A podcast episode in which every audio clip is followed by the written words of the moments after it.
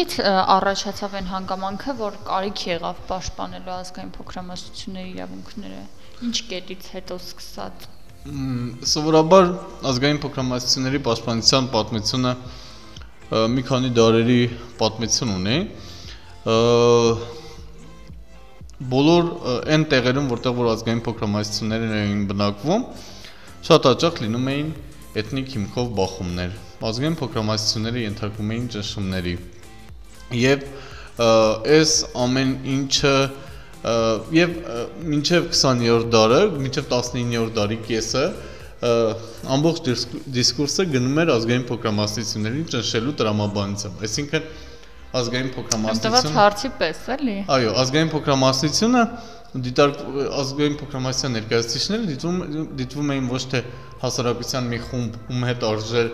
առնչվել, ում հարցերը արժեր լուծել, այլ անցալվում էին որպես խնդիր։ Եվ բնականաբար խնդրի դեպքում ավելի ռեպրեսիոն մեխանիզմներ էին գնում։ Եվ ամենա նաև դժվար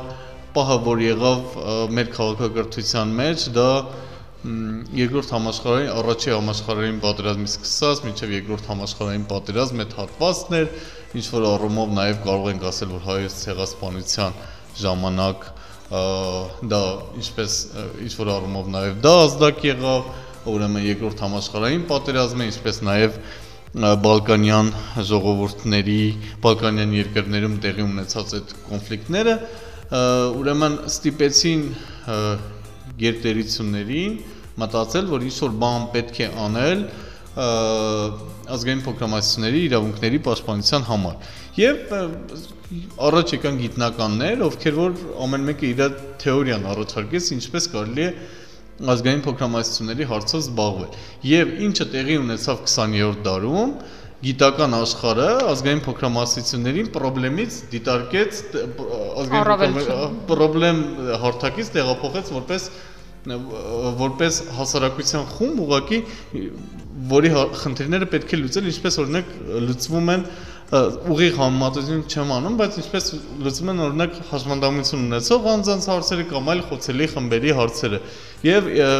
ազգային փոքրամասնությունները դիտարկվեցին որպես ընդամենը խոցելի խումբ, որոնք ունեն ավելի քիչ հնարավորություններ։ Տեսեք, օրինակ մենք Հայաստանում ասում ենք, որ մենք միատար ենք,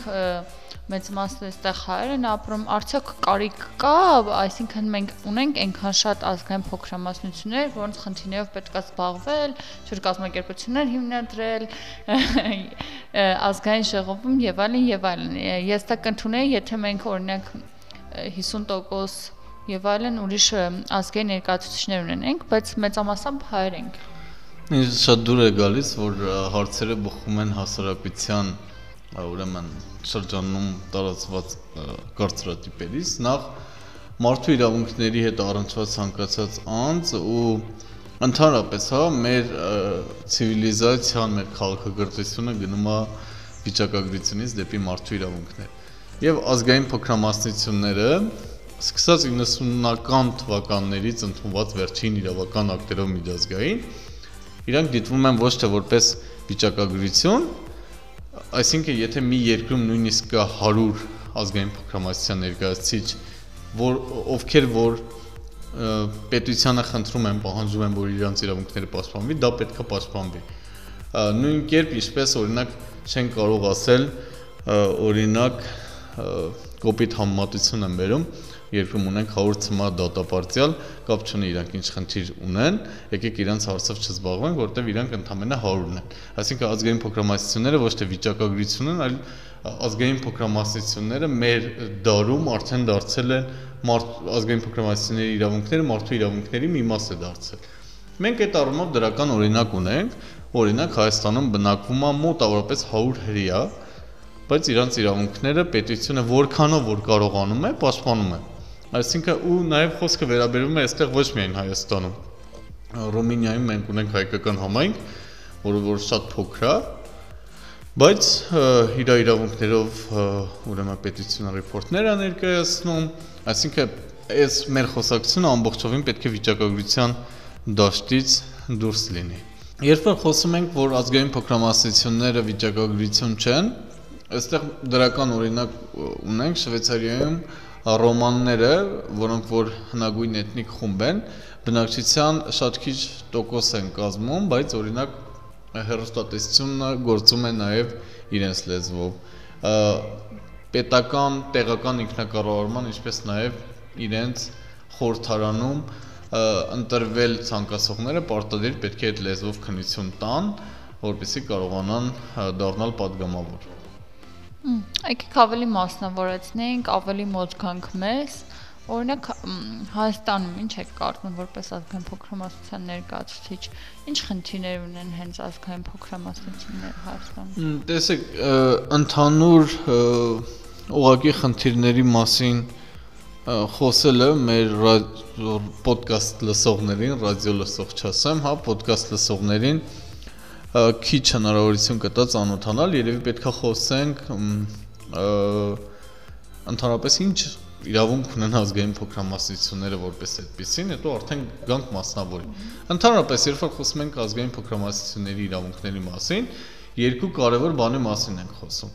Մեկ, ընդհանուր իրավունքներ, որոնք որ հատուկ են բոլոր քաղաքացիներին, եւ ազգային փոքրամասնության ներկայացուցիչները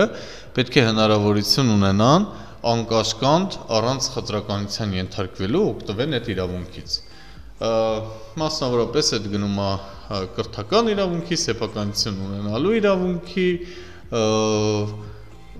ու բոլոր այն իրավունքներից որ ինչ է կարծում խախտվում է այդ իրավունքը խախտվում է այդ իրավունքը դրան ավելի ուշ կանդրադառնանք եւ ունենք նաեւ իրավունքներ որոնք որ հատուկ են ազգային փոքրամասնությունների